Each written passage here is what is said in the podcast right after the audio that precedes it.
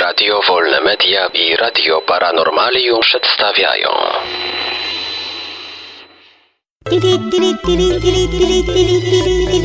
Dziwne informacje.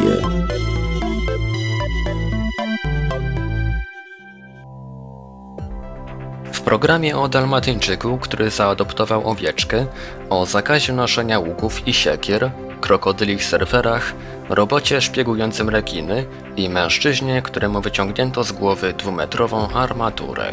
Panie i panowie, zaczynamy dziwne informacje. Dalmatyńczyk zaadoptował owieczkę. W Dolinie Barossa w południowej Australii przyszła na świat centkowana owieczka, którą odrzuciła matka. Znalazła nową opiekunkę, suczkę z hodowli dalmatyńczyków.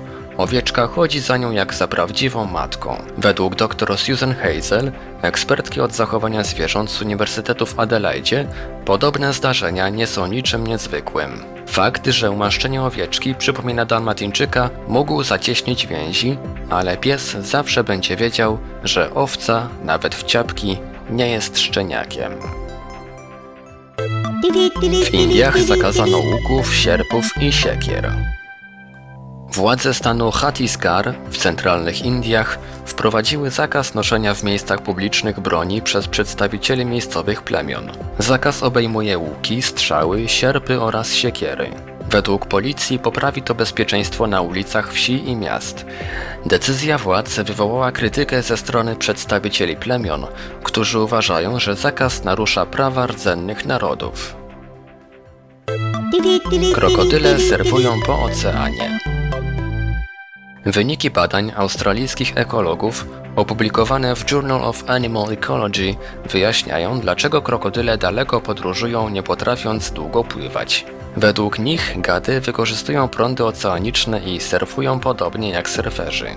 Naukowcy z Uniwersytetu Queensland i znany z programów telewizyjnych o zwierzętach, nieżyjący już Steve Irwin, przez rok śledzili 27 krokodyli, które, jak się okazało, urządzały sobie wyprawy z rzek na ocean, surfując nawet po 60 km. Rekordzista przepłynął 590 km. Pływający robot śledzi gigantyczne rekiny. Wyprodukowany w Norwegii robot pomaga monitorować gigantyczne białe rekiny. Urządzenie, podobne do śliskającej się po falach deski do windsurfingu, zostało zwodowane na Pacyfiku.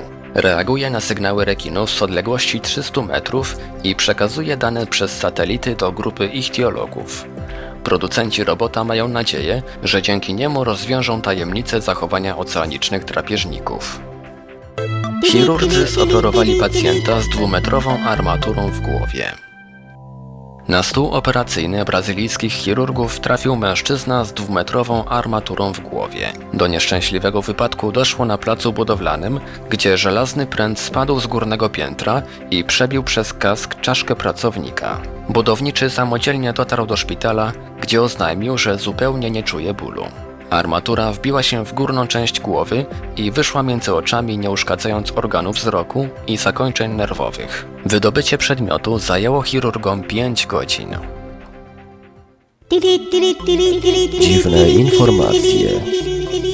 Wiadomości czytał Ivelios. Wybór informacji i montaż Maurycy Hawranek. Podkład muzyczny Protologic.